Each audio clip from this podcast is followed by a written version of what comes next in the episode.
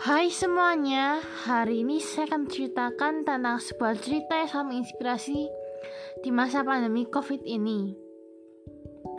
Ada beberapa hal yang menginspirasi, seperti di sebuah gereja di kota Malang, mereka memberikan donasi berupa nasi bungkus yang bisa diambil setelah misa. Biasanya, orang yang membutuhkan mengambil nasi bungkus tersebut. Ada juga dokter yang rela merawat pasien COVID tanpa dibayar.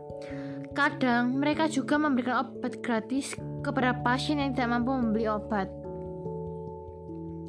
Selain itu, ada sebuah toko yang mengadakan sumbangan berupa nasi bungkus setiap hari Jumat. Biasanya, sumbangan tersebut dibagikan kepada orang-orang yang membutuhkan. Sekian cerita pengalaman inspirasi dari saya. Semoga kalian bisa mengambil banyak pelajaran dari cerita ini.